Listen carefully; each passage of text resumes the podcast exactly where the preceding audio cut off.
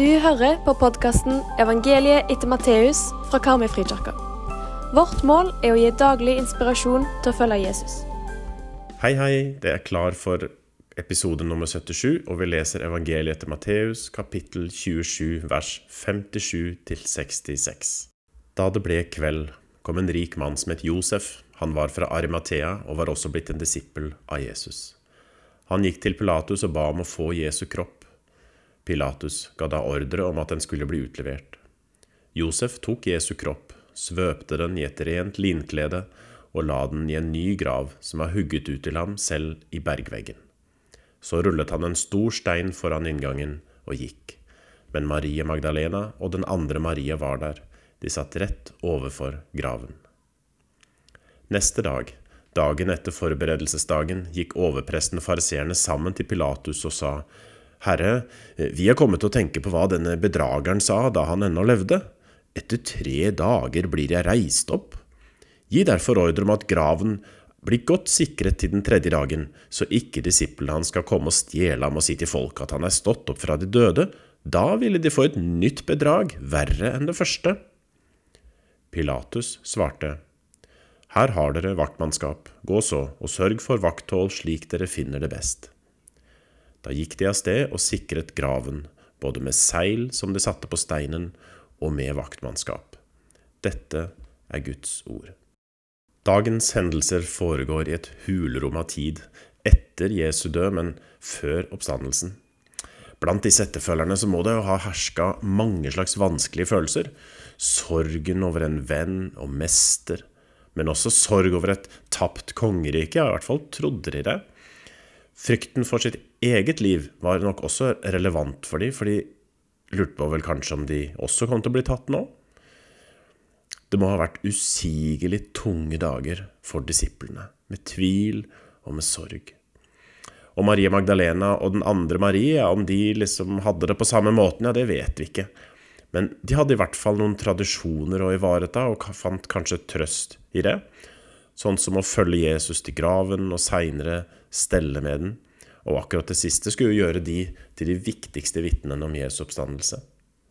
Så møter vi to menn, Josef fra Arimathea, og vi veit fra evangeliet Johannes at Nikodemus også var med. To menn som i kraft av å være fariseere ikke våget å ære Jesus mens han levde. De æret ham nå med å gi kroppen hans en verdig begravelse etter den tidens skikk. Og linkledet som de legger rundt og over Jesus, ja, det har hatt svært stor betydning for forskere helt opp til i dag så utspiller det seg en ny kamp om sannheten, da. Fariseerne ja, de ba romerne sette ut vakter, sånn at ikke usanne rykter skulle komme ut. Og det er jo fint. Så endte det opp med at de som skulle verne om sannheten, ja, de endte opp med å styrke sannheten om Jesu oppstandelse. Og vi kan være takknemlige for disse vaktene, for de blei vitner til historiens høydepunkt.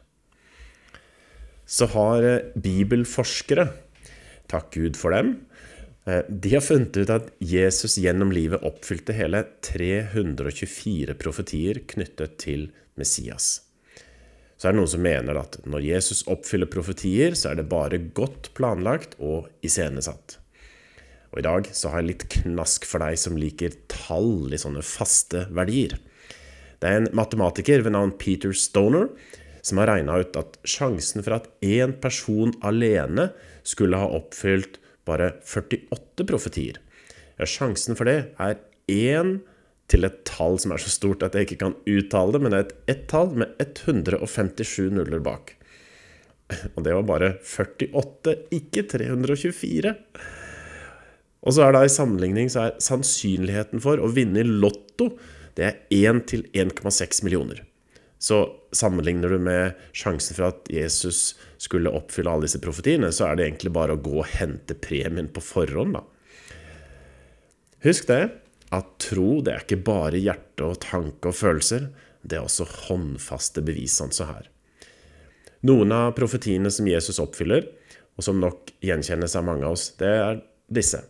Det er at Messias skulle fødes i Betlehem av en jomfru, at en budbringer skulle gå foran han som Johannes døperen da. At han skulle gå inn i Jerusalem på et esel og bli forrådt av en venn for 30 sølvmynter. At han skulle hates uten grunn, og være stille foran sine anklagere, at han skulle korsfestes, få eddikvin, få gjennomboret hender og føtter, og at noen skulle kaste lodd om klærne hans, og at han skulle begraves med de rike og stå opp igjen fra de døde. Dette er bare noen av profetiene. Evangeliet etter Matteus er skrevet for det jødiske folket, og de kjenner sin lov og sine profeter. En leder i det messianske jødiske miljøet gjennom over 30 år, han heter Jonathan Bernis, han forteller det at mange jøder kommer til tro bare ved å lese deres Tanak, eller Gamle testament, om du vil, der du finner alle profetiene som peker fram mot Messias, og som nettopp Jesus oppfyller. Det er håndfast, og det er virkelig. Sannheten kommer for en dag, og den setter fri. La oss be. Herre, hjelp oss å holde fast på sannheten om ditt rike, slik at vi kan dele den med andre mennesker som den er skjult for. Hjelp oss her i dag å leve sant med våre medmennesker. Kall du oss til tjeneste, også for alle de som måtte komme fra Ukraina til våre nabolag i disse dager. Hjelp oss å bringe ditt lys til deres vonde opplevelser, og i deres frykt for sine som er igjen for å kjempe. Vår Far i himmelen, la navnet ditt helliges. La riket ditt komme. La viljen din skje på jorden slik som i himmelen. Gi oss i dag vårt daglige brød, og tilgi oss vår skyld, slik også vi tilgir våre skyldnere. Og la oss ikke komme i fristelse, men frels oss fra det onde. For riket er ditt, og makten og æren i evighet. Amen. Herre, velsign oss. Ære være Faderen og Sønnen og Den hellige ånd, nå og alltid og i evigheters evighet. Amen. Vi håper du blir med videre for å lese hele evangeliet etter Matteus sammen med oss. Leseplanen finner du på våre nettsider.